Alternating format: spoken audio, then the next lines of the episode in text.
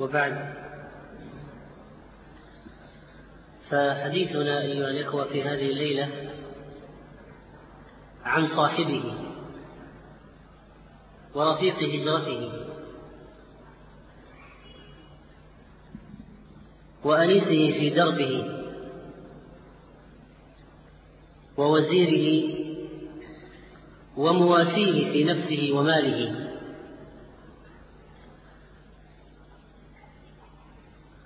وأبي زوجته وخليفته من بعده وهو الصديق الذي آمن بالصدق وصدق به في رحلته معه صلى الله عليه وسلم من مكة إلى المدينة. وانتقاله ونقلة الدعوة معه من مرحلة إلى مرحلة. وصاحبه في ذلك الحدث الذي غير وجه الأرض في ذلك الوقت. وهو الحدث الذي أرخ به المسلمون إعلاما للناس بأهمية هذه اللحظة وهذا الحدث وهو حدث الهجرة. روى البخاري رحمه الله تعالى عن عائشة رضي الله تعالى عنها ذكرت الحديث الطويل وفيه فقال النبي صلى الله عليه وسلم للمسلمين إني أريت دار هجرتكم ذات نخل بين لابتين وهما الحرتان. فهاجر من هاجر قبل المدينة ورجع عامة من كان هاجر بأرض الحبشة إلى المدينة وتجهز أبو بكر قبل المدينة. فقال له رسول الله صلى الله عليه وسلم على رسلك فإني أرجو أن يؤذن لي. فقال أبو بكر وهل ترجو ذلك بأبي أنت؟ قال نعم. فحبس أبو بكر نفسه على رسول الله صلى الله عليه وسلم ليصحبه وعلف راحلتين كانتا عنده ورق السمر وهو الخبط أربعة أشهر. قال ابن شهاب قال عروة قالت عائشة فبينما نحن يوما جلوس في بيت أبي بكر في لحن نحر الظهيرة قال قائل لأبي بكر هذا رسول الله صلى الله عليه وسلم متقنعا في ساعة لم يكن يأتينا فيها. فقال أبو بكر فداء له فداء له أبي وأمي. والله ما جاء به في هذه الساعة إلا أمر. قالت فجاء رسول الله صلى الله عليه وسلم فاستأذن فأذن له. فدخل فقال النبي صلى الله عليه وسلم لأبي بكر أخرج من عندك. فقال أبو بكر إنما هم أهلك. بأبي أنت يا رسول الله. قال فإني قد أذن لي بالخروج. فقال أبو بكر الصحابة بأبي أنت يا رسول الله؟ قال رسول الله صلى الله عليه وسلم نعم. قال أبو بكر فخذ بأبي أنت يا رسول الله إحدى راحلتي هاتين. قال رسول الله صلى الله عليه وسلم بالثمن. قالت عائشة فجهزناهما أحث الجهاز وصنعنا له لهما سفرة في جراب.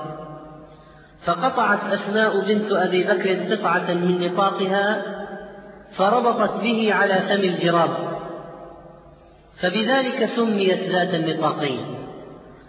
قالت ثم لحق رسول الله صلى الله عليه وسلم وأبو بكر بغار في جبل ثور فكمنا فيه ثلاث ليال يبيت عندهما عبد الله بن أبي بكر وهو غلام شاب ثقف لقن فيدلج من عندهما بسحر فيصبح مع قريش بمكة كذائف فلا يسمع أمرا يكتادان به إلا وعاه حتى يأتيهما بخبر ذلك حين يختلط الظلام.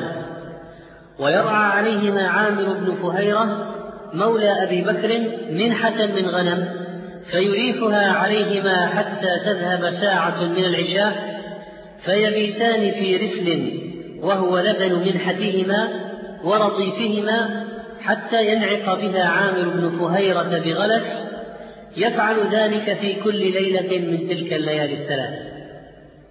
واستأجر رسول الله صلى الله عليه وسلم وأبو بكر رجلا من بني الدين وهو من بني عبد عدي هاديا خريتا والخريت الماهر بالهداية قد غمس حلفا في آل العاص بن وائل السهمي وهو على دين كفار قريش فأمناه فدفعا إليه راحلتيهما وواعداه غار ثور بعد ثلاث ليال براحلتيهما صبح ثلاث وانطلق معهما عامر بن فهيرة والدليل. فأخذ بهم طريق السواحل. قال ابن شهاب وأخبرني عبد الرحمن بن مالك المدلجي وهو ابن أخي سراقة بن مالك بن جعشم أن أباه أخبره أنه سمع سراقة بن جعشم يقول جاءنا رسل كفار قريش يجعلون في رسول الله صلى الله عليه وسلم وأبي بكر دية كل واحد منهما من قتله أو أسره فبينما أنا جالس في مجلس من مجالس قومي بني مدلج أقبل رجل منهم حتى قام علينا ونحن جلوس فقال يا سراقة إني قد رأيت آنفا أسودة بالساحل. أشخاص أراها محمدا وأصحابه. قال سراقة فعرفت أنهم هم فقلت له إنهم ليسوا بهم. ولكنك رأيت فلانا وفلانا.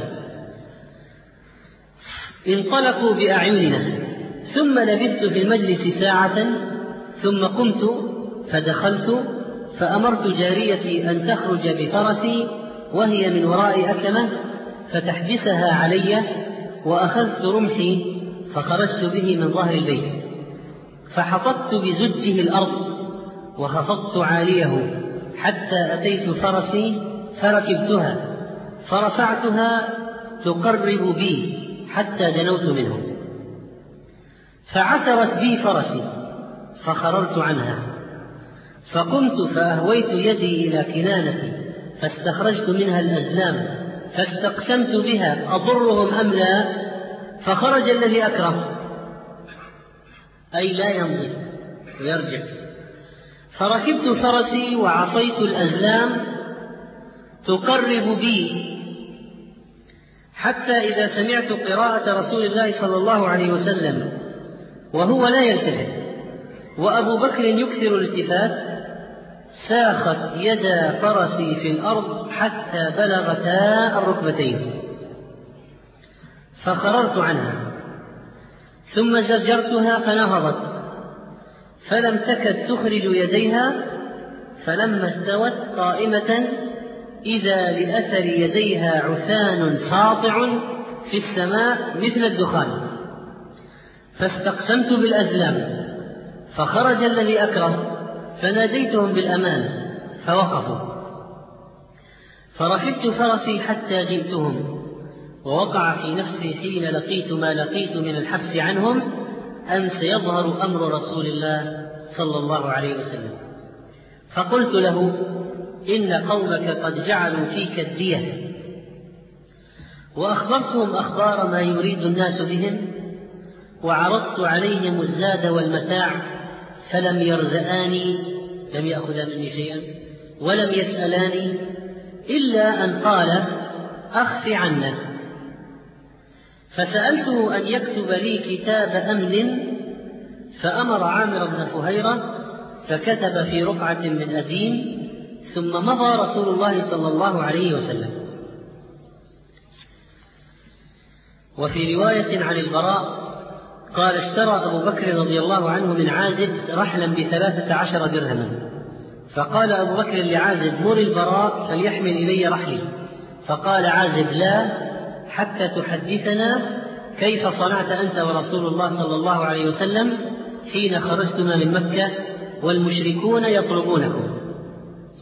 قال أبو بكر رضي الله عنه ارتحلنا من مكة فأحيينا أو سرينا ليلتنا ويومنا حتى أظهرنا وقام قائم الظهيرة فرميت ببصري هل أرى من ظل فآوي إليه فإذا صخرة أتيتها فنظرت بقية ظل لها فسويته ثم فرشت للنبي صلى الله عليه وسلم فيه ثم قلت له اضطجع يا نبي الله. فاضطجع النبي. ثم انطلقت أنظر ما حولي. هل أرى من الطلب أحدا؟ فإذا أنا براعي غنم يسوق غنمه إلى الصخرة يريد منها الذي أردنا فسألته فقلت له لمن أنت يا غلام؟ قال لرجل من قريش سماه فعرفته. فقلت هل في غنمك من لبن؟ قال نعم. قلت فهل أنت حالب لنا؟ قال نعم. فأمرته فاعتقل شاة من غنمه ثم أمرته أن ينفض ضرعها من الغبار ثم أمرته أن ينفض كفيه. فقال هكذا ضرب إحدى كفيه بالأخرى فحلب لنا كثبة من لبن. وقد جعلت لرسول الله صلى الله عليه وسلم إداوة على فمها خرقة فصببت على اللبن حتى برد أسفله فانطلقت به إلى رسول الله إلى النبي صلى الله عليه وسلم فوافقته قد استيقظ فقلت اشرب يا رسول الله فشرب حتى رضيت ثم قلت قد آن الرحيل يا رسول الله قال بلى فارتحلنا والقوم يطلبوننا فلم يدركنا أحد منهم غير سراقة بن مالك بن جعشم. على فرس له فقلت هذا الطلب قد لحقنا يا رسول الله.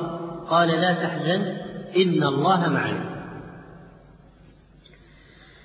حصل بعد ذلك أن النبي صلى الله عليه وسلم التقى بالزبير في الطريق وكسى النبي عليه الصلاة والسلام وأبا بكر ثيابا بيضا حتى ينطبق الوصف الموجود عند اليهود في التوراة كيف سيدخل النبي عليه الصلاة والسلام المدينة مع الصديق.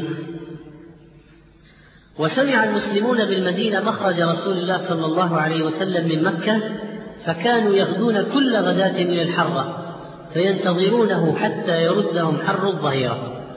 فانقلبوا يوما بعدما أطالوا انتظارهم رجعوا إلى بيوتهم. فلما أووا إلى بيوتهم أوفى رجل من يهود على أطم من أطامهم على حصن قلعة لليهود أشرف عليها اليهودي. بعدما انصرف المسلمون الذين كانوا ينتظرون. على أطم من آطامهم لأمر ينظر إليه. فبصر برسول الله صلى الله عليه وسلم وأصحابه مبيضين يزول بهم السراب.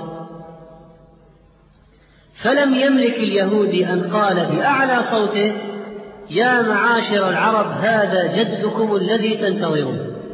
جدكم أي حظكم الذي تنتظرون.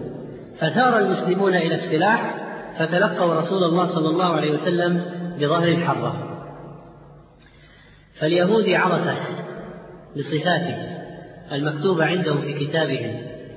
لم يملك اليهودي نفسه أن صح من هول المفاجأة والتطابق بين الواقع وبين الوصف المكتوب وإلا فإن اليهودي لا يدل على الخير. ولكن من هول المفاجأة لم يملك اليهودي أن صاح يا معاشر العرب هذا جدكم أي حظكم وتعالى جدك. هذا شأنكم هذا شرفكم هذا جدكم الذي تنتظرون. هذا الحديث الذي رواه الإمام البخاري رحمه الله عن البراء ورواه أيضا عن عائشة في هذه القصة المجموعة التي تبين قصة الهجرة. هجرة النبي صلى الله عليه وسلم وفيها أن النبي عليه الصلاة والسلام قد أوحي إليه بمكان الهجرة وأخبر الصحابة فبدأ الصحابة يتسربون إلى المدينة. وأراد الله تعالى للصديق أن يؤاخي نبي الله صلى الله عليه وسلم في هجرته وأن يكون معه. هو رفيقه في حياته رضي الله عنه.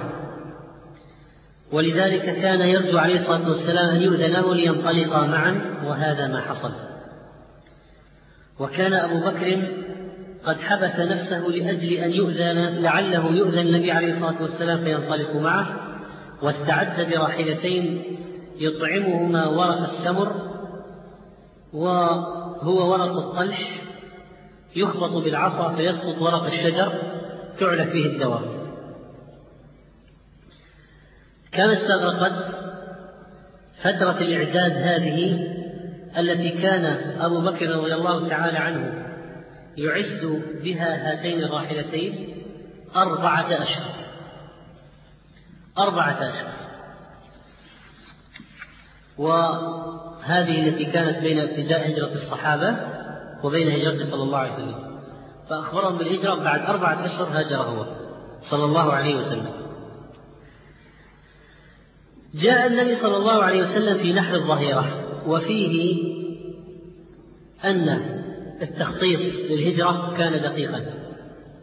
وفيه أن النبي عليه الصلاة والسلام كان على قمة الأخذ بالأسباب ولذلك فإنه من بداية الأمر اختار الوقت الذي يأتي فيه إلى بكر الصديق يكون الناس نياما في شدة الحر في الظهيرة القيلولة القيلولة. جاء في نحر الظهيرة في أول الزوال أشد ما يكون من حرارة النهار. ويقيل الناس فيها أتاه ظهرا. جاء في الظهيرة. استغرب آل أبي بكر الصديق. قالوا هذا رسول الله صلى الله عليه وسلم متقنعا. وهذا من الأسباب في إخفاء القضية أيضا فإنه عليه الصلاة والسلام جاء متقنعا مغطيا رأسه في وقت يندر أن يوجد أحد يمشي في الشارع. عرف الصديق أن النبي عليه الصلاة والسلام قد جاء لأمر مهم. لما دخل النبي عليه الصلاة والسلام الإجراء الثالث قال أخرج من عندك. لأن النساء والصبيان يتكلمون. وكم أتي من أتي من الحذرين من جهة النساء والصبيان؟ فقد لا يأبه لهم فيتحدث أمامهم بسر ثم يتسرب السر عن طريق طفل ولد امرأة. ولذلك فإنه عليه الصلاة والسلام من اتخاذ الأسباب في هذا الأمر الخطير الذي يريد إخفاء قال أخرج من عندك. ولكن الصديق رضي الله عنه يعرف ربى من وكيف رباه. قال إنما هما ابنتين إنما هم أهلك يا رسول الله. كل من في البيت عائشة وأسماء رباهم الصديق على عينه يعرف من عنده يثق. وهو على مستوى كلمته التي قالها وأكثر. الصحابة يا رسول الله أي الصحبة المصاحبة؟ قال نعم. في رواية قالت عائشة فرأيت أبا بكر يبكي وما كنت أحسب أن أحدا يبكي من الفرح وهذا من إخلاص رضي الله عنه لأن صحبة النبي عليه الصلاة والسلام في الهجرة شرف لا يعادله شرف. ولذلك بكى الصديق من الفرحة فالبكاء منه بكاء حزن منه بكاء فرحة منه بكاء دهشة منه بكاء ألم البكاء أنواع هذا كان بكاء فرحة. عرض الصديق من كرمه وبذله في سبيل الله إحدى راحلتيه على النبي عليه الصلاة والسلام. قال عليه الصلاة والسلام لا أركب بعيرا ليس هو لي. قال فهو لك؟ قال لا ولكن بالثمن. قيل لماذا لم يقبل النبي عليه الصلاة والسلام عطية صاحبه؟ قالوا لأنه أراد أن يهاجر من ماله ويكسب أجر الإنفاق على الهجرة من ماله لأن الهجرة هنا سفر طاعة عظيم كلما أنفق الإنسان فيه كلما كان أكثر أجرا. أحب أن لا تكون هجرته أن لا تكون هجرته إلا من مال نفسه. قيل إن هذه الناقة التي أخذها النبي صلى الله عليه وسلم من أبي بكر الصديق بالثمن هي القصواء. وقد عاشت بعد النبي عليه الصلاة والسلام قليلا ثم ماتت في خلافة أبي بكر الصديق.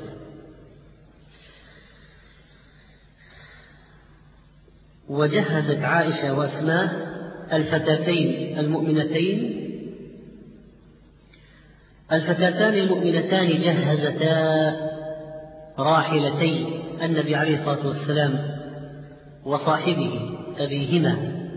أحث الجهاز وأفضل الجهاز وهو كل ما يحتاج إليه في السفر. وصنعنا لهما سفرة في جراب إذا الآن تجهيز جيد. الأخذ بالأسباب حتى نعرف أن قضية الهجرة كان النبي عليه الصلاة والسلام قد رتب لها ترتيبا عجيبا واتخذ فيها أسبابا مدهشة لتنجح ليعلم الأمة كيف كيف يحكمون يحكمون أمورهم ولا يتركون مجالا واحدا للفشل ولا منفى واحد للفشل وصنعنا لهما سفرة في جراب وعاء للزاد. يوضع فيه ماء مزاد من ماء وطعام. قيل إنه كان في السفرة شاة مطبوخة. بقي الآن قضية الربط بأي شيء يربط؟ بحثتا عن شيء تربطان به فلم تجدا شيئا فشقت أسماء نطاقها النطاق حزام تلبسه المرأة في وسط على وسطها. شقته جعلته جعلته جزئين فلذا وربطتا بهما الزاد شدت بأحدهما الزاد واقتصرت على الآخر. فسميت أسماء ذات النطاقين من هذا الفعل. شقت نطاقها فأوكأت بقطعة منه الجراب وشدت فم القرب بالباقي على رواية أخرى فسميت بذات النطاقين التخطيط كان الاتجاه الآن إلى غار في جبل ثور. عكس الجهة ليست الجهة التي يتبادر إلى ذهن الكفار أنه هرب منها. قيل إن خروجهما كان من خوخة في ظهر بيت أبي بكر. خروجه صلى الله عليه وسلم كان يوم الاثنين. ركبا حتى أتيا الغار وهو ثور فتواريا فيه.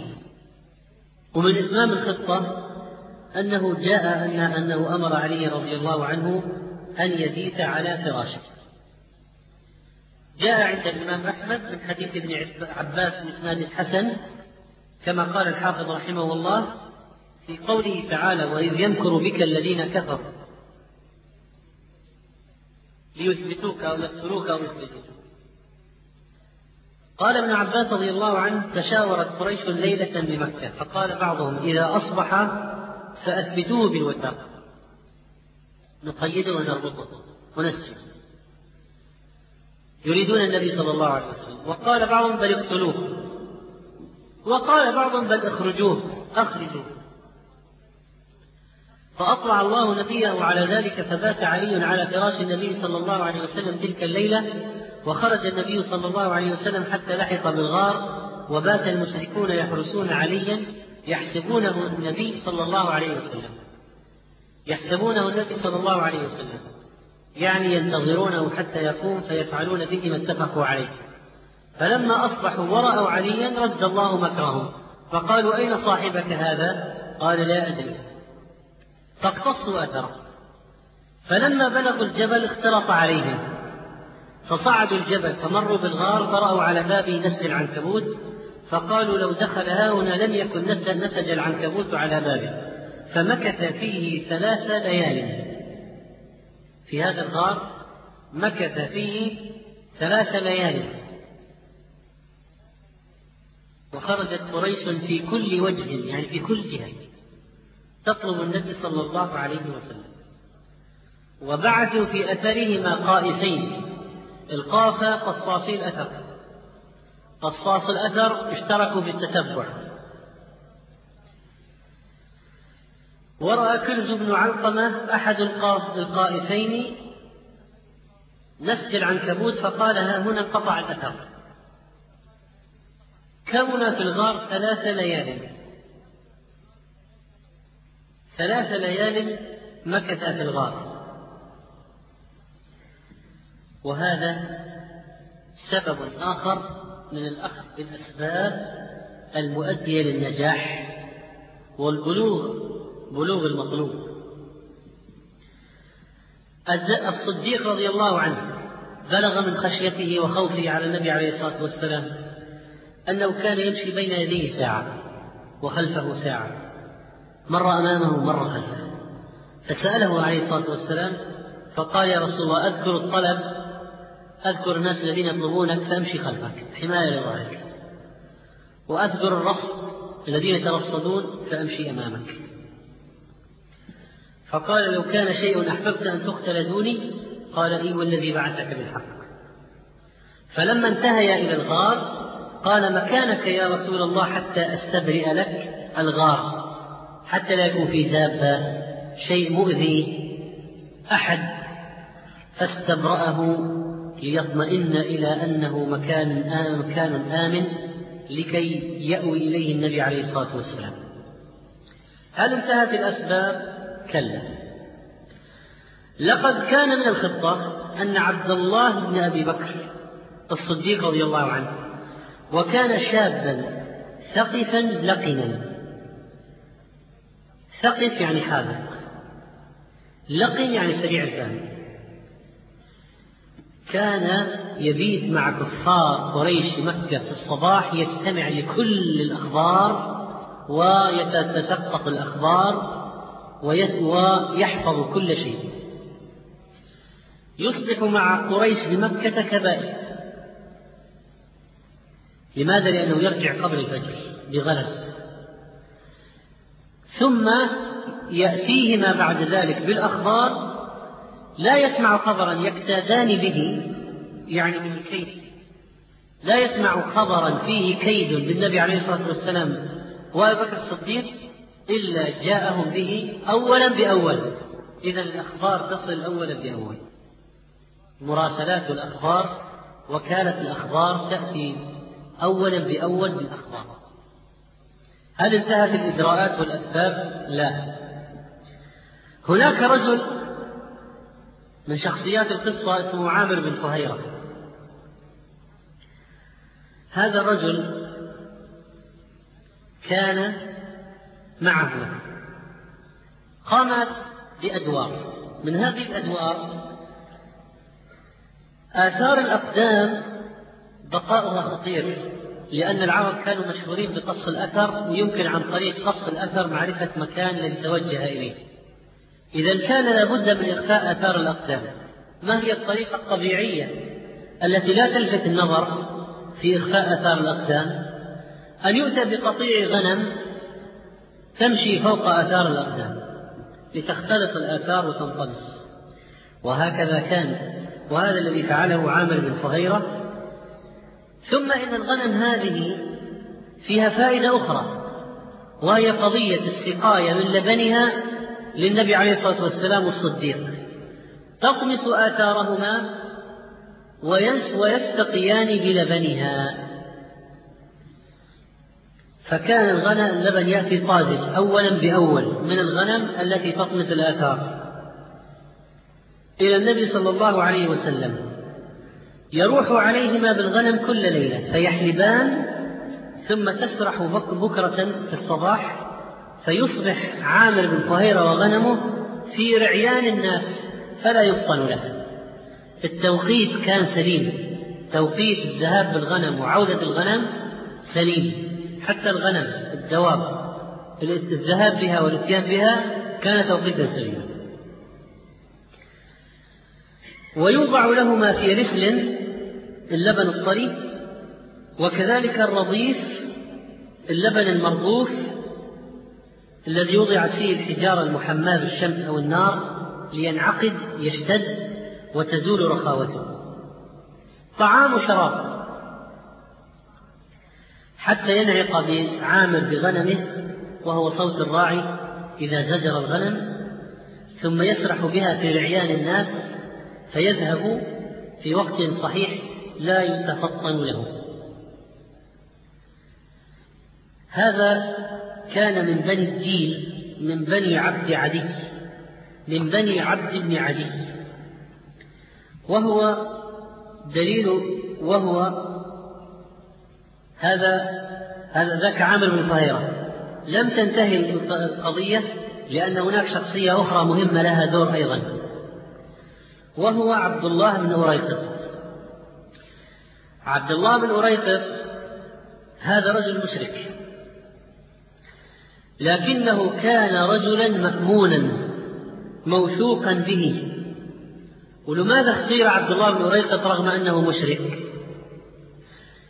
لأنه كان هاديا خريتا خبيرا بالطرق والمسارات ودروب الصحراء. الخريت هو الماهر في الهداية. مثل خرق الإبرة أي ثقب الإبرة.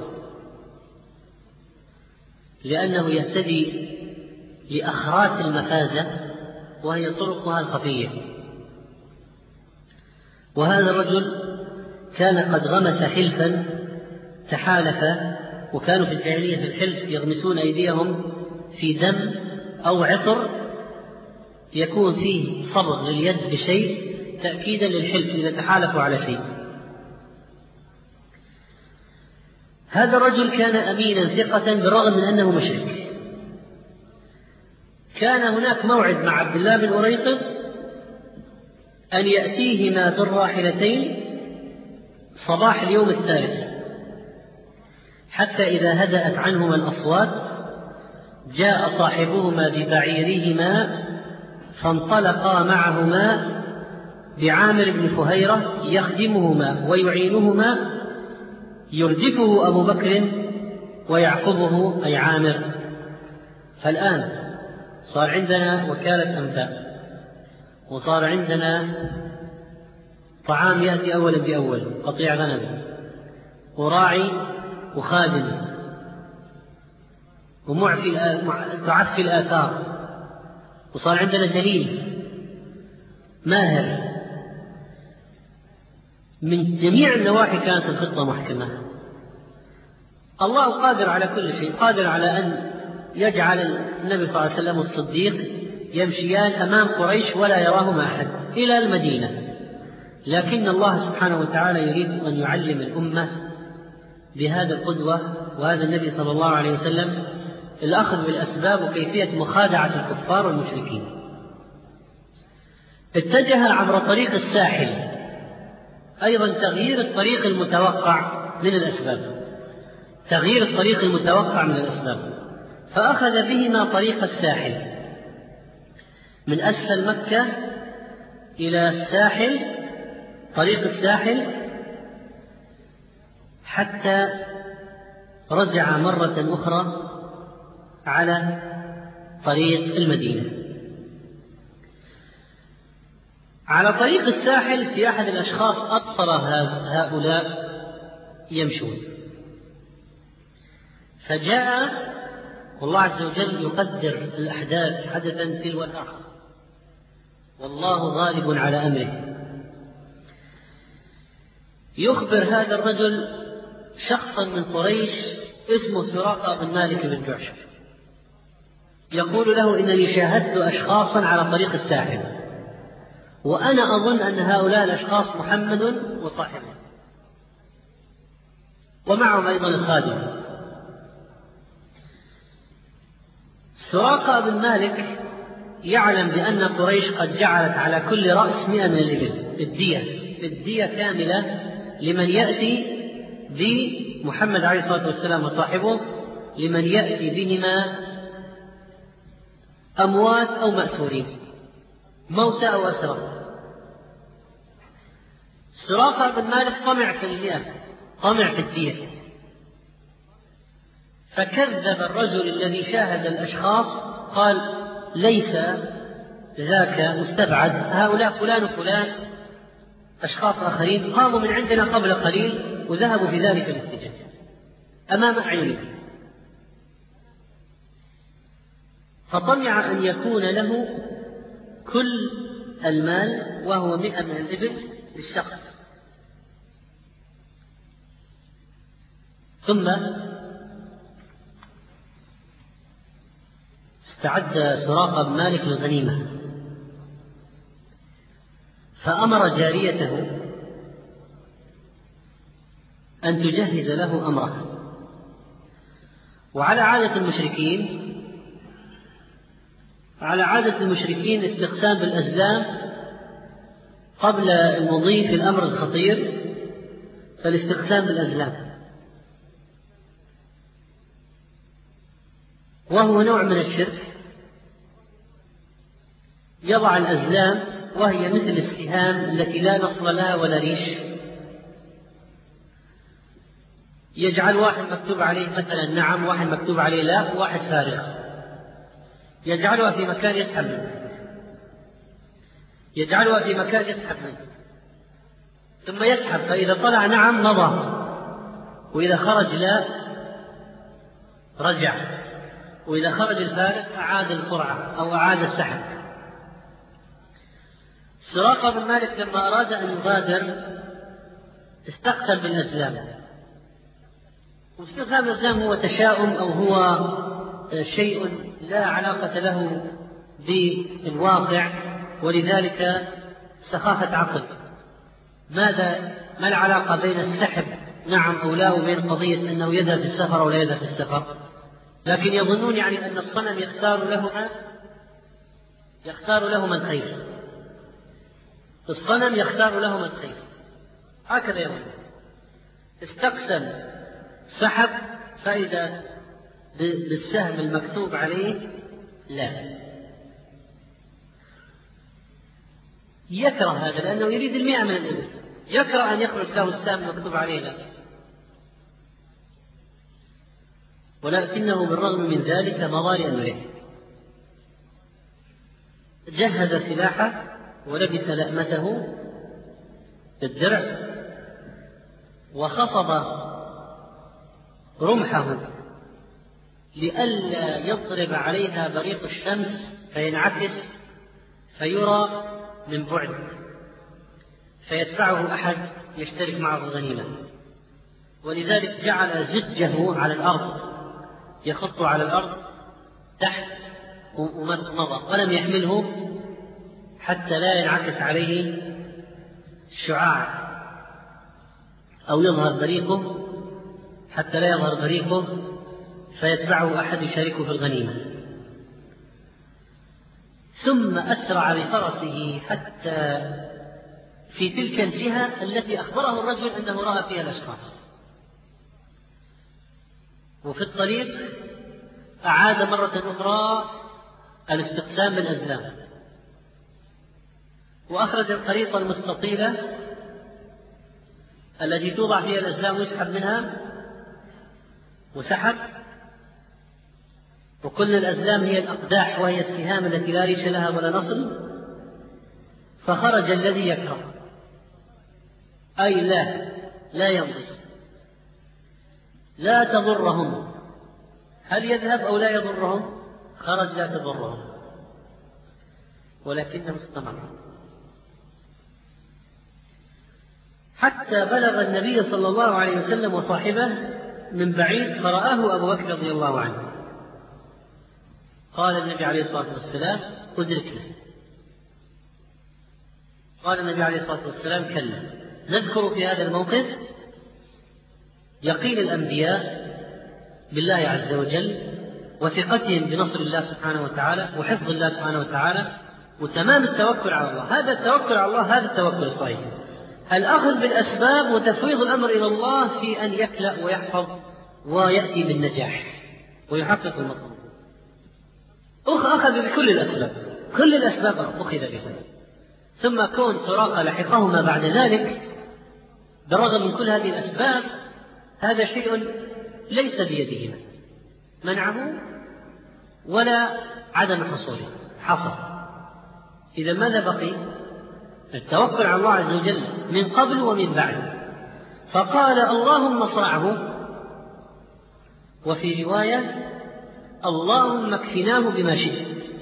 هذه العبارة التي قالها غلام أصحاب الأخدود لما قال ذاهبا مع حرس الملك فوق الجبل وفي القارب اللهم اكفنيهم بما شئت.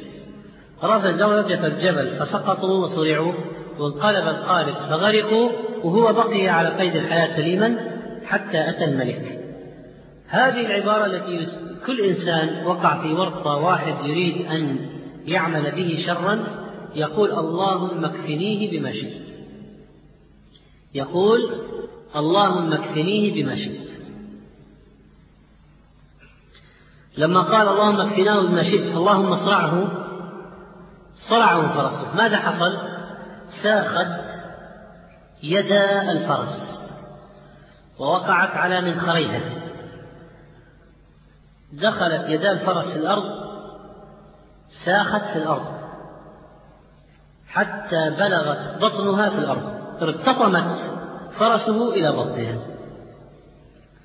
دخلت اليدين الفرس المقدمة وهذا يدل على أن ركبتي البعير ركبتي الفرس البعير كل أربع ركبتاه في يده وليس في رجله ساخت يدا الفرس حتى بلغتا الركبتين.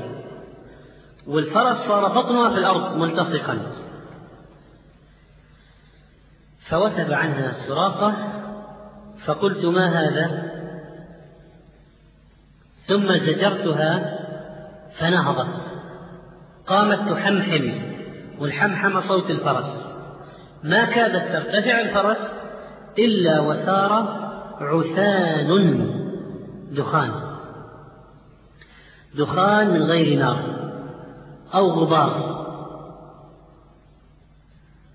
ثار الغبار. فعلمت أنه منع مني. يعني علمت المسألة الآن مسألة إلهية وأن النبي عليه الصلاة والسلام لا يمكن الوصول إليه. لا يمكن إيذاؤه ولا القبض عليه ولا الوصول إليه. عند ذلك أسقط في يده سراقة ونادى بالأمان. الآن هذا ذاهب مطالب مسلح تكون النهاية أنه يطلب الأمان. هو هو يطلب الأمان. لبس الدرع ومعه الرمح ومعه الجهاز يطلب الأمان. مستسلما قائلا قد علمت يا محمد أن هذا عملك فادع الله أن ينجيني مما أنا فيه والله لأعمين عليك من وراك أي واحد يطلبك ويطاردك أنا سأكفيك هو ورجع سراقة.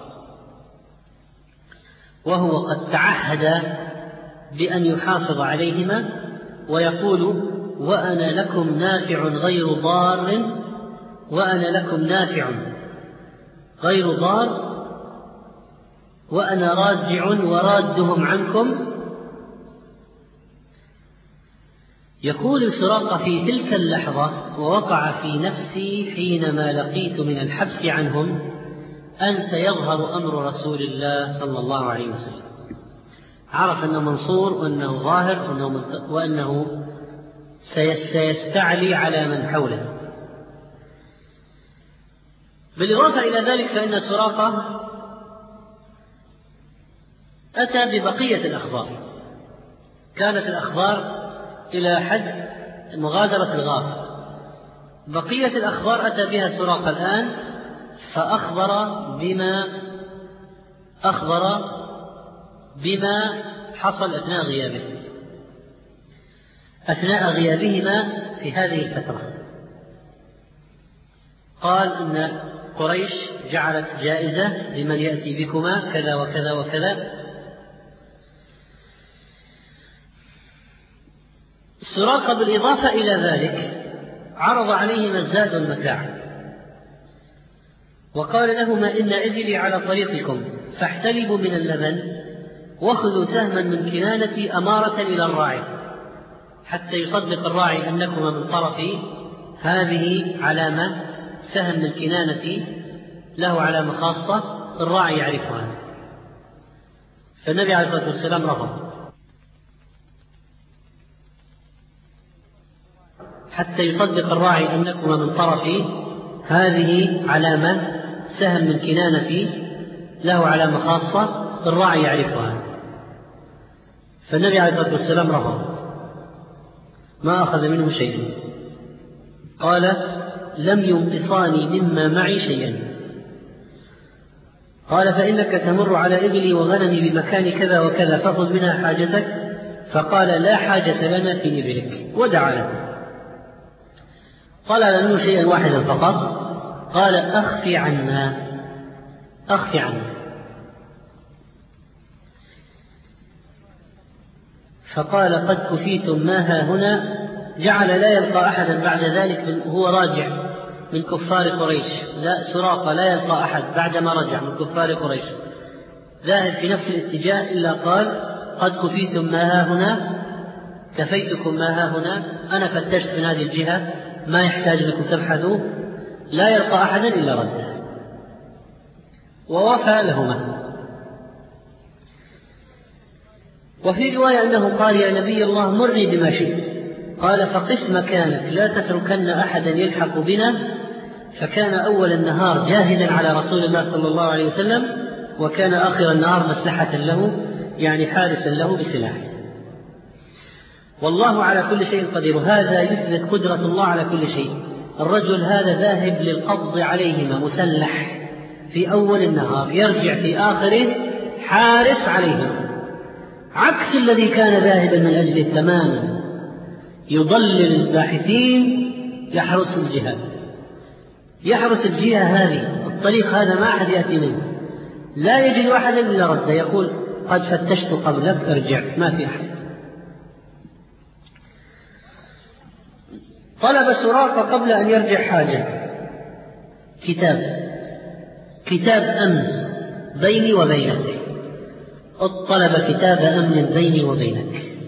يقول النبي عليه الصلاة والسلام فأمر عامر بن فهيرة فكتب في رقعة من أدم كتب له في جلد أو في ورقة أو في خرقة جعله السراق في كنانته. كتب له كتاب أمانة سبحان الله الآن يعني متوقع أن الخوف مع المطاردين. وإذا بالمطارد المسلح يطلب كتاب أمانة. يقول اكتب لي كتاب فأمر عامر بن فهيرة فكتب له كتاب أمانة. بعد معركة حنين بعد فتح مكة خرج سراقة ليلقى النبي صلى الله عليه وسلم معه الكتاب بعد سنوات. قرابة تسع ثمان سنين ثمان سنين لقيه بالجعرانة. دنا منه فرفع يده بالكتاب. قال يا رسول الله هذا كتابك. قال يوم وفاء وبر. أدنوا فأسلمت. هكذا حصل لسراقة وكان عليه الصلاة والسلام قد أراد أن يبعث خالد الوليد إلى قوم سراقة بعث جيش يغير عليهم يغزوهم وكانوا مشركين. فأتاه سراقة وقال أحب أن توادع قومي.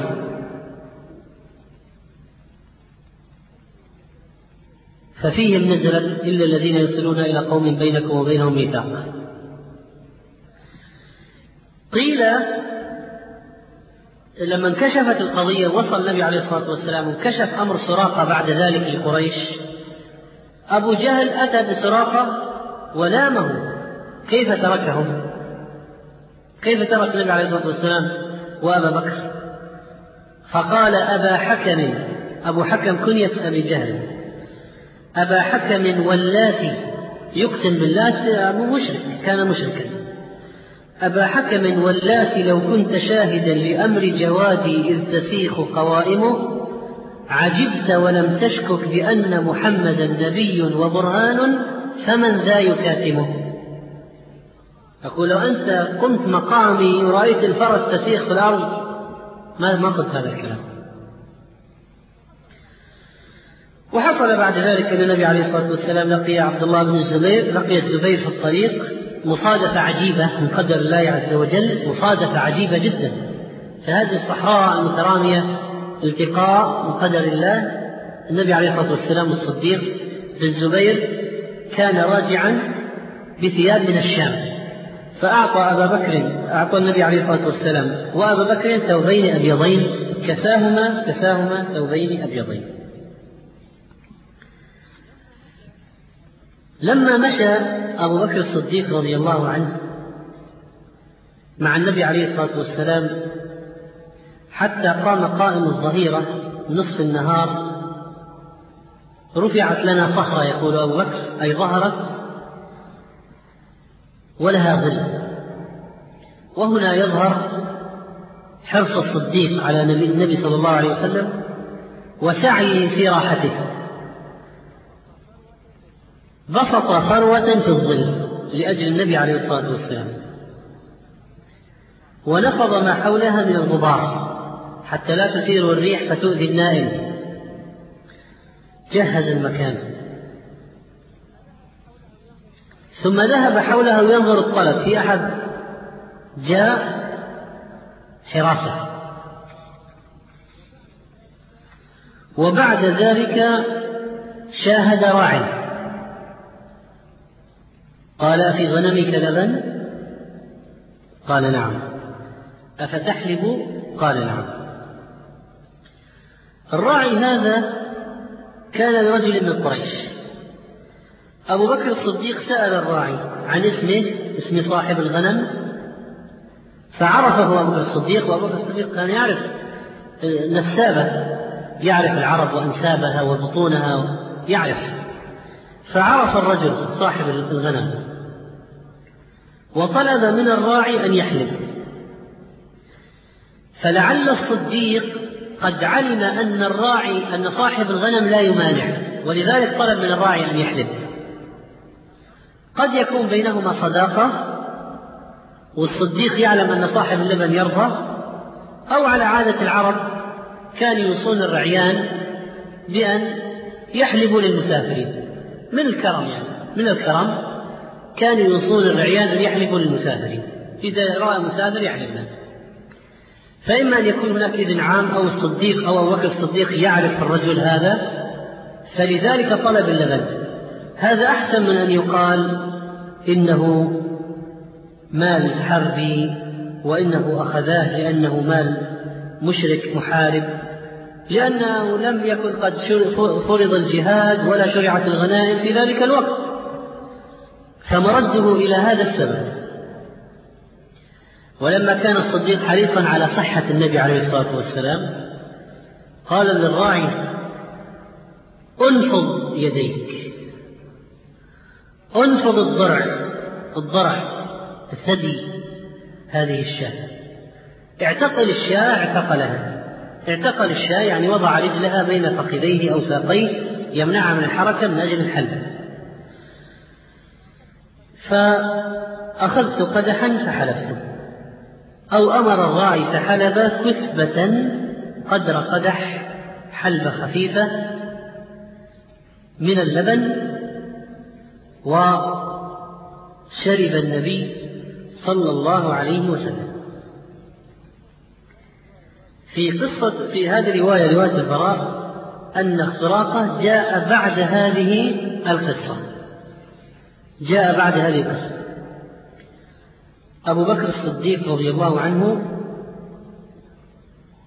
يقول النبي عليه الصلاة والسلام اشرب. قال فشرب حتى رضيته. من الذي شرب؟ النبي عليه الصلاة والسلام. من الذي رضي؟ أبو بكر الصديق. يقول فشرب حتى رضيته. يعني أمعن في الشرب على غير عادته المألوفة أمعن في الشرب صلى الله عليه وسلم حتى رضي الصديق. اطمأنت نفسه بأنه عليه الصلاة والسلام قد شبع وروي وأنه قد استراح. النبي عليه الصلاة والسلام نام وأبو بكر يحرسه. ثم, ثم لما استيقظ عليه الصلاة والسلام قال قد آن الرحيل يا رسول الله. وافق عليه الصلاة والسلام وانطلق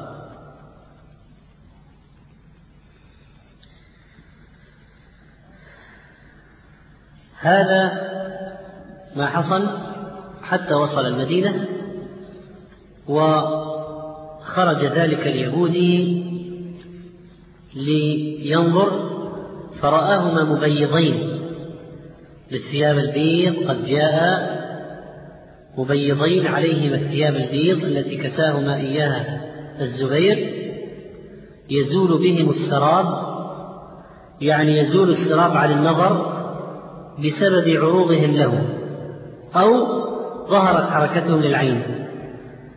طابق الوصف المذكور في الكتاب عند اليهودي ما يراه بعينه الآن فدهش فصرخ يا معاشر العرب يا بني قيلة. الجدة الكبرى للأنصار والدة الأوس والخزرج قيلة اسمها قيلة. يا بني قيلة يعني ينادي الأوس والخزرج. هذا جدكم هذا حظكم وصاحب دولتكم الذي تتوقعونه قد جاء. فاستقبلوا النبي صلى الله عليه وسلم على آخر القصة التي حدثت بعد ذلك من المجيء إلى مكان المسجد وإلى وبقية التفاصيل. تلك كانت قصة الهجرة التي سافر فيها النبي صلى الله عليه وسلم مع صاحبه ومن أعظم الدروس التي فيها قضية الأخذ بالأسباب وكانت أمرا واضحا جدا. وكذلك يؤخذ من الحديث تقلب النظافة في الشرب كما هو واضح من فعل أبي بكر رضي الله تعالى عنه وحرصه على صحة النبي صلى الله عليه وسلم وعلى سلامة النبي صلى الله عليه وسلم. وكذلك جواز التعامل مع المشرك إذا كان مأمونا.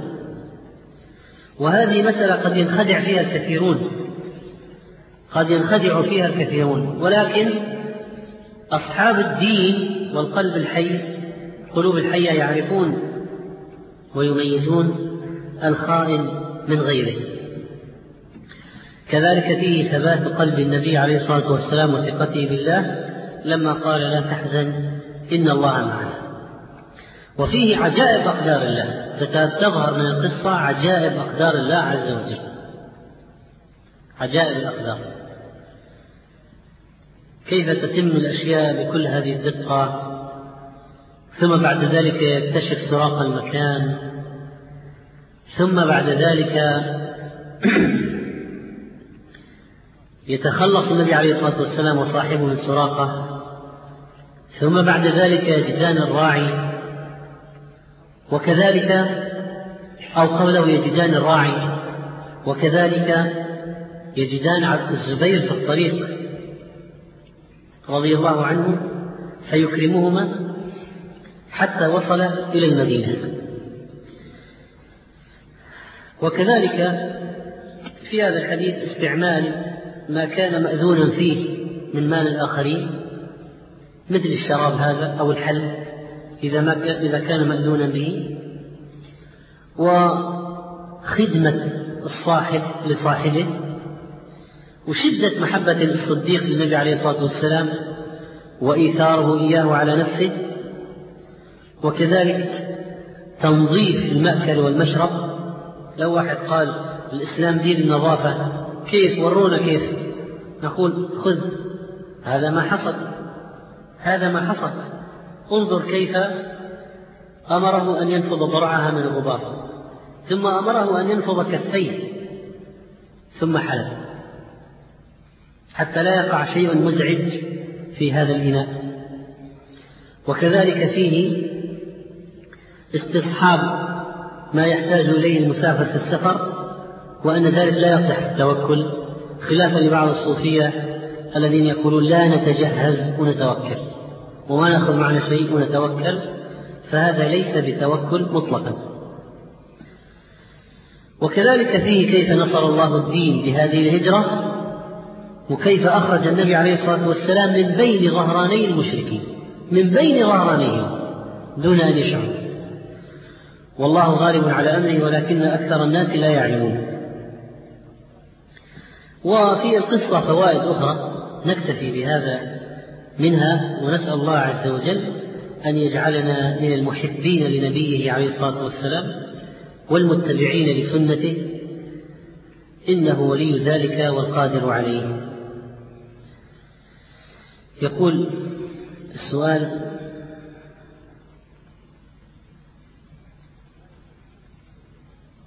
ما هي طريقة تحديد القبلة في الصلوات الخمس في السفر الطويل؟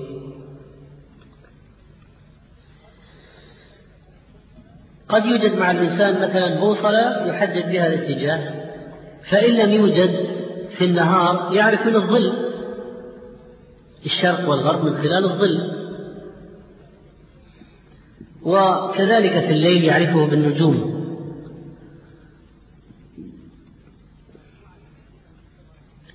مجموعة النجوم التي تظهر في الليل على شكل علامة الاستفهام أو الملعقة. فأول نجمين من رأسها يمد خطا مستقيما بينهما إلى الجهة الأخرى ليكون بعد ستة أمثاله في القطب الشمالي النجم الذي يشير إلى جهة الشمال وهو نجم خلقه الله وجعله في ذلك المكان لا يغير اتجاهه دائما يشير إلى جهة الشمال. أو كذلك المثلثان المتجاوران. إذا ثلث الزاوية في التي تكون في أول أحدهما في المثلث الأول إلى جهة اليمين فأخذ هذا مستقيم ثلث الزاوية فإنه سيكون في النهاية يمشي الخط إلى القطب الشمالي أو النجم النجم القطبي الشمالي فيعرف منه جهة الشمال. إذا عرف جهة الشمال تحددت بقية الجهات بناء عليه يعرف القبلة. قال الله تعالى وعلامات وبالنجم هم يهتدون. ثم إن الإنسان إذا خفي عليه لا عنده ساعة بالعقارب والشمس ولا عصا يعرف الظل ولا نجوم في الليل ولا ولا ولا بوصلة ولا شيء يسأل. فإذا لم يجد أحدا يسأله اجتهد وصلى وصلاته صحيحة.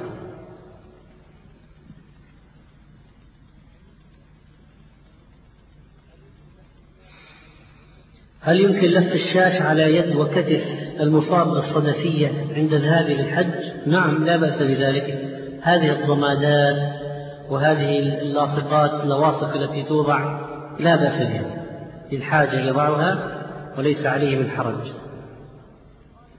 أين توجد الأرضية السبع؟ قال بعض العلماء هي طبقات بعضها فوق بعض. الأرض طبقات بعضها فوق بعض. أخذ ما جاوز القبضة من اللحية هذا رأي عبد الله بن عمر رضي الله تعالى عنه. كان إذا حج أو اعتمر قبض على لحيته فأخذ ما جاوز القبضة.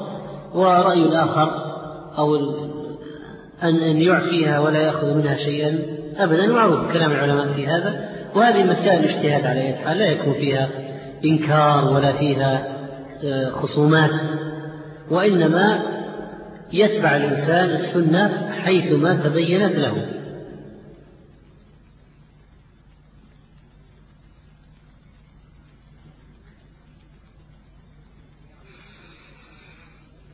أعوذ بك من شر ما صنعت لا يعود الضمير. أعوذ بالله من شر ما صنعت أنا.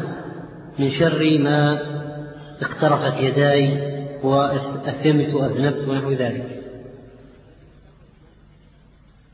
لأن شر الذنب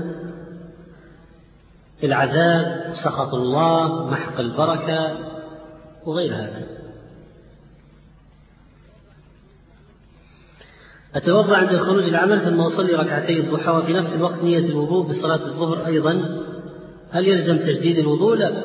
في الأحوال العادية لا يلزم تجديد الوضوء. لكن من صاحب السلس المستحاضة. المرأة مستحاضة تجدد الوضوء بعد دخول وقت الظهر.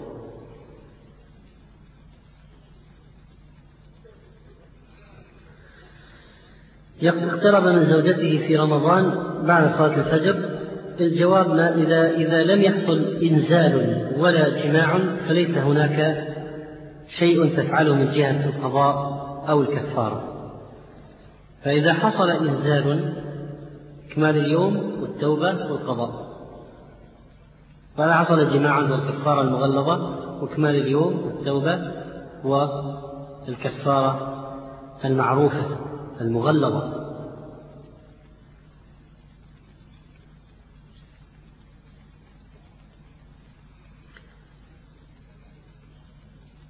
حكم بالنسبة لعدم القدرة على تفسير الثوب. كيف يعني؟ يعني ما في أسهل من تفسير الثوب. سهل التفسير ما هو حجة. فلا يجاب على هذا السؤال أصلا. هل تجب الزكاة في أموال الدين؟ إذا كان مفقودا معدوما لا يرجى تحصيله عند مماطل أو عند فقير فلا زكاة فيه. حتى يقبضه تزكيه مرة واحدة. من عرض أرضا للبيع فعليه الزكاة. قصة الحمامة فيها ضعف. والعنكبوت ذكر الحافظ رحمه الله كما قال عن ابن عباس يعني موقوفا بسند حسن ذكر القصة. فيمكن أن يرجع إليها وأيضا هناك من حقق الروايات يعني روايات الهجرة.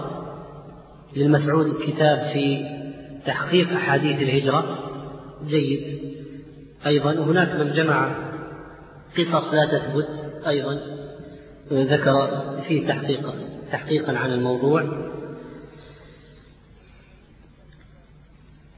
كيف كان هل كان حساب عدد السنوات على عهد النبي صلى الله عليه وسلم بالتقويم الميلادي لأن التقويم الهجري كان على عهد عمر؟ لا طبعا هذا غير كلام غير صحيح. النبي عليه الصلاة والسلام يعمل بالتقويم القمري. لكن بداية السنة الهجرية جعلها من محرم هو الذي كان على عهد عمر الخطاب. قال يرجع الناس من الحج محرم أول السنة نجعله أول السنة سميها السنة الهجرية. أو من هجرة النبي صلى الله عليه وسلم أرخوا من جعلوا السنة رقم واحد هي السنة, التي هاجر فيها. لأن الحدث هذا كان قد غير وجه الأرض. الحدث هذا. النصر الحقيقي كان بداية الانتصارات بداية قيام الإسلام حقيقة كان بعد الهجرة. قامت الدولة الإسلامية بعد الهجرة.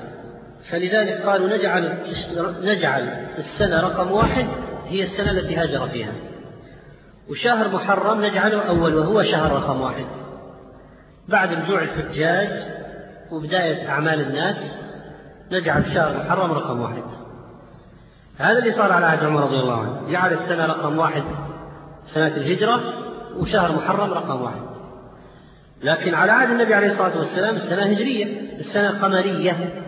إن عدة الشهور عند الله اثنا عشر شهرا في كتاب الله. يسألونك عن الأهلة قل هي مواقيت للناس. فكان النبي عليه الصلاة والسلام يعتمد التقويم القمري. أول الشهر آخر الشهر أشهر قمرية 12 شهر ما فيها كلام. الأشهر الحرم كل الأحكام. الأشهر التقويم القمري السنة القمرية وليست الشمسية ولا الميلادية. وموافقة هؤلاء الكفار لا تنبغي لا ينبغي أن نحن نجعل مدار حياتنا كله على التقويم الميلادي الموافق لما عند الكفار. قد الإنسان يضطر أحيانا يحسب يقول الموافق لكذا لكن لا يصح أن ننسى التقويم القمري الهجري. أو أن نجعل حياتنا تسير على التقويم الميلادي. هذه مشابهة للكفرة وإن كانت مشابهة مكروهة كما ذكر العلماء مشابهة مكروهة وجعل الرواتب بالميلادي مكروهة. وهو لأنه أربح لا لأن المشي على منوالهم وعلى طريقتهم ليس مستحبا لنا ولا صحيحا. وينفي التقويم القمري الآن لو تسأل بعض المسلمين في بعض البلدان التي تمشي على تقويم الميلاد هذا تقتصر عن ربيع الأول وعن رجب وعن شعبان ما يدري. ما يدرون إلا في رمضان. إذا جاء رمضان استعملوا رمضان لأجل العبادة. ولا في بقية الأشهر الولد في المدرسة وما يدرون عن الأشهر. الهجرية متى دخلت متى خرجت. كيف تكون الزكاة فيما تبقى من الراتب؟ يعني أول ما أول ما استلم مالا بعده يأخذ سنة قمرية هجرية ثم يخرج الزكاة على الموجود عنده.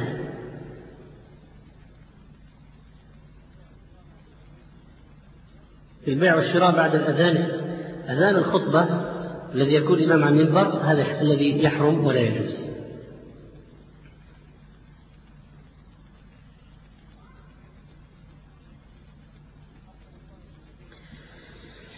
أفطر الصائم في مدينة الدمام وركب طائرة حربية ووصل إلى تبوك ولم يحن أذان المغرب. هل يمسك أم لا؟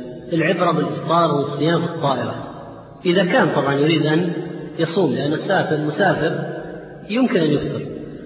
لكن إذا قال أريد أن أتم يوما كاملا صحيحا فنقول إذا تكون على غروب الفجر والمغرب في الطائرة في المكان الذي أنت فيه فوق تحت في المكان الذي أنت فيه. إذا غربت الشمس تفطر. إذا طلع الفجر تمسك. وهكذا.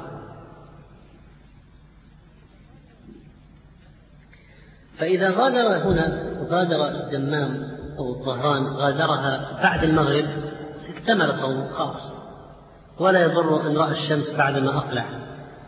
إذا غادرها قبل المغرب وأراد أن يتم اليوم لا يفطر إلا إذا غربت الشمس في المكان الذي هو فيه.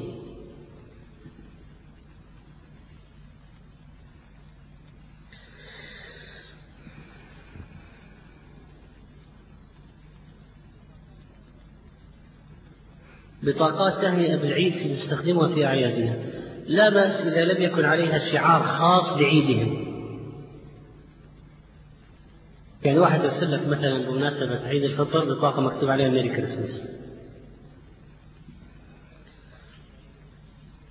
ما معنى التقاء الختانين؟ الختان هو موضع القطع من الذكر في الغلام والفرج في الجارية فهذا الختان إذا مس الختان الختان يعني حصل إيلاج. الحشفة غابت دخلت فمس الختان الختان. وبدون غياب الحشفة لا يمكن أن يمس الختان الختان يمس الختان الختان بعد علاج الحشفة. إذا هو قد غابت وولجت مقدمة الذكر في الفرج فلذلك التقى الختان بالختان. فعند ذلك يجب الغسل أما مجرد المس من خارج دون ولوج الحشفة فلا يسبب ولا يجب الغسل. هل يجوز لعن النساء المتبرجات؟ نعم بجهة العموم. تقول الله لعنة الله على المتبرجات. بس ما تقول لعنة الله على فلانة بعينها لأن لعن المعين لا يجوز. قد يتوب قد يسلم. لكن لعن الجنس نعم تقول ألا لعنة الله على الظالمين ألا لعنة الله على الكاذبين ألا لعنة الله على النامصات لعنة الله على المتنمصات لعنة الله على المتفلجات لعنة الله على المتبرجات نعم. لكن ما تلعن المعين فلان بعينها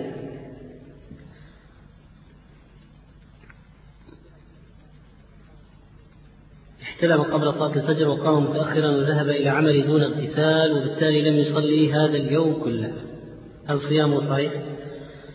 الكلام الآن الصيام صحيح لكن الآن ما حكم إسلامه؟ وقد ترك هذه الصلوات متعمدا.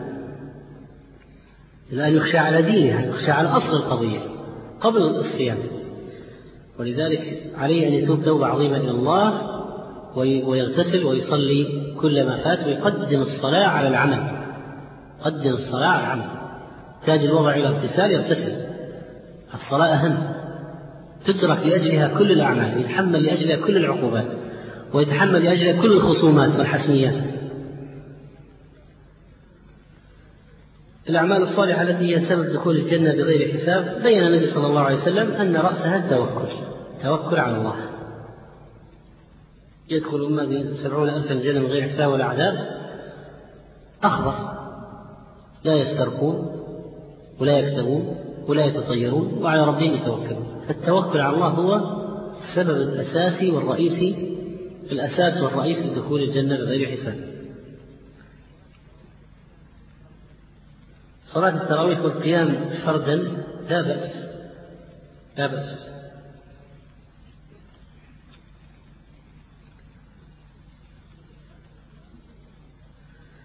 وجد آيات من القرآن ممزقة في الأرض وقام بجمعها وحرقها بنية أنها لا تهان وحيث أن ممزقة ومتسقة. قد فعل خيرا وهو مأجور إن شاء الله.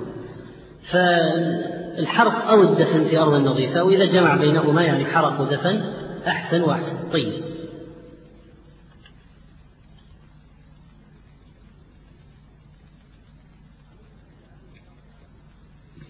عملت الذي علي والباقي على الله.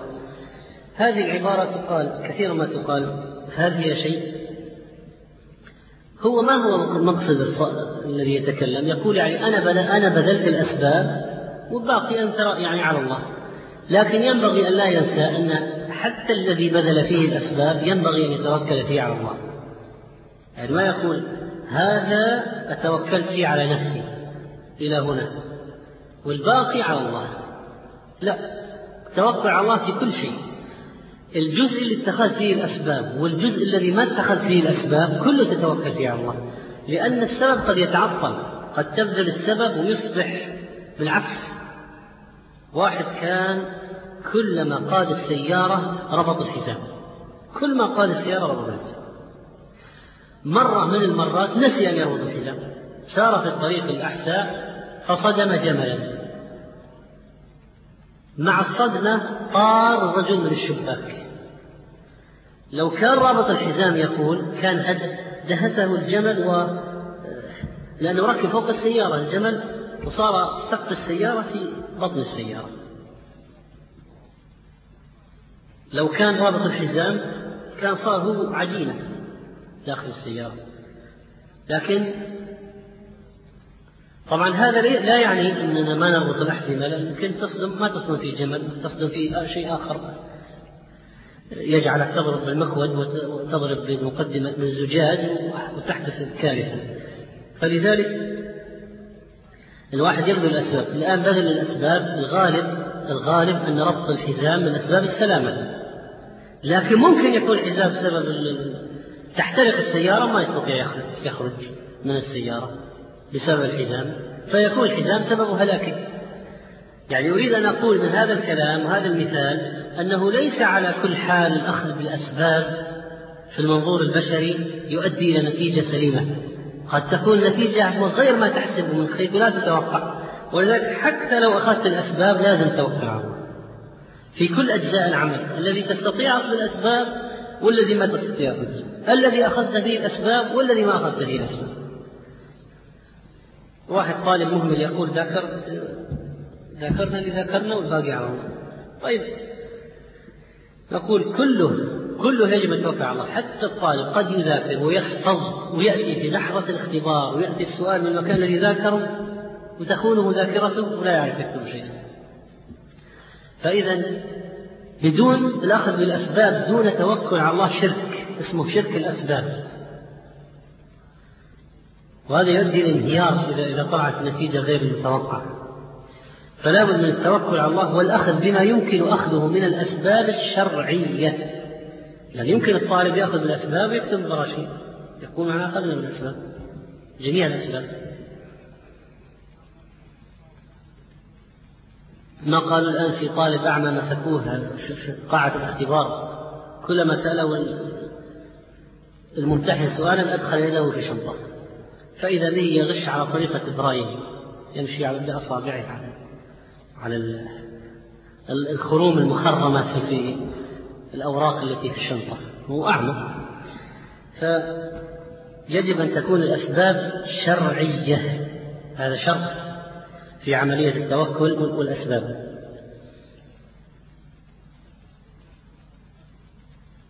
السحب على الكوبونات في المسابقات التي فيها دفع مال طبعا نوع من الميسر معروف.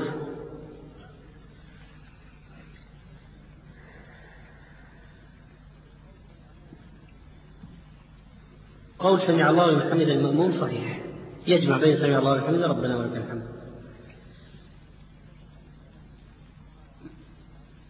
هل يشترط ستر الطهارة ستر عورة في سجود الشكر؟ الجواب لا. في سجود التلاوة يشترط.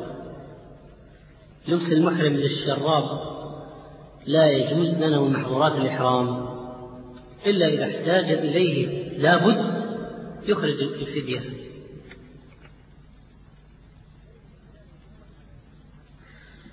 كلمة الجارية تطلق على إيه؟ على من؟ تطلق الجارية على الأمة الأنثى من العبيد وتطلق الجارية على البنت الصغيرة تطلق عليها جارية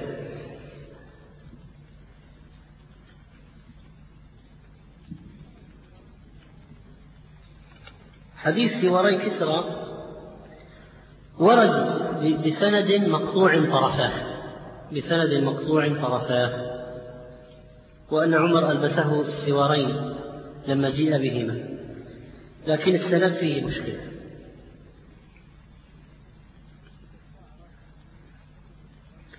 استقطاع راتب من جزء من راتب الزوجة الموظفة مقابل السماح لها بالتدريس لا بأس إذا اصطلحت أنت وإياها على هذا فلا بأس. تقول أنت تفوتي علي جزءا من الاستمتاع والخدمة والأمر. فعوضيني بشيء. مقابل أن تخرجي. لا بأس بذلك. هذا والله أعلم. صلى الله وسلم على نبينا محمد.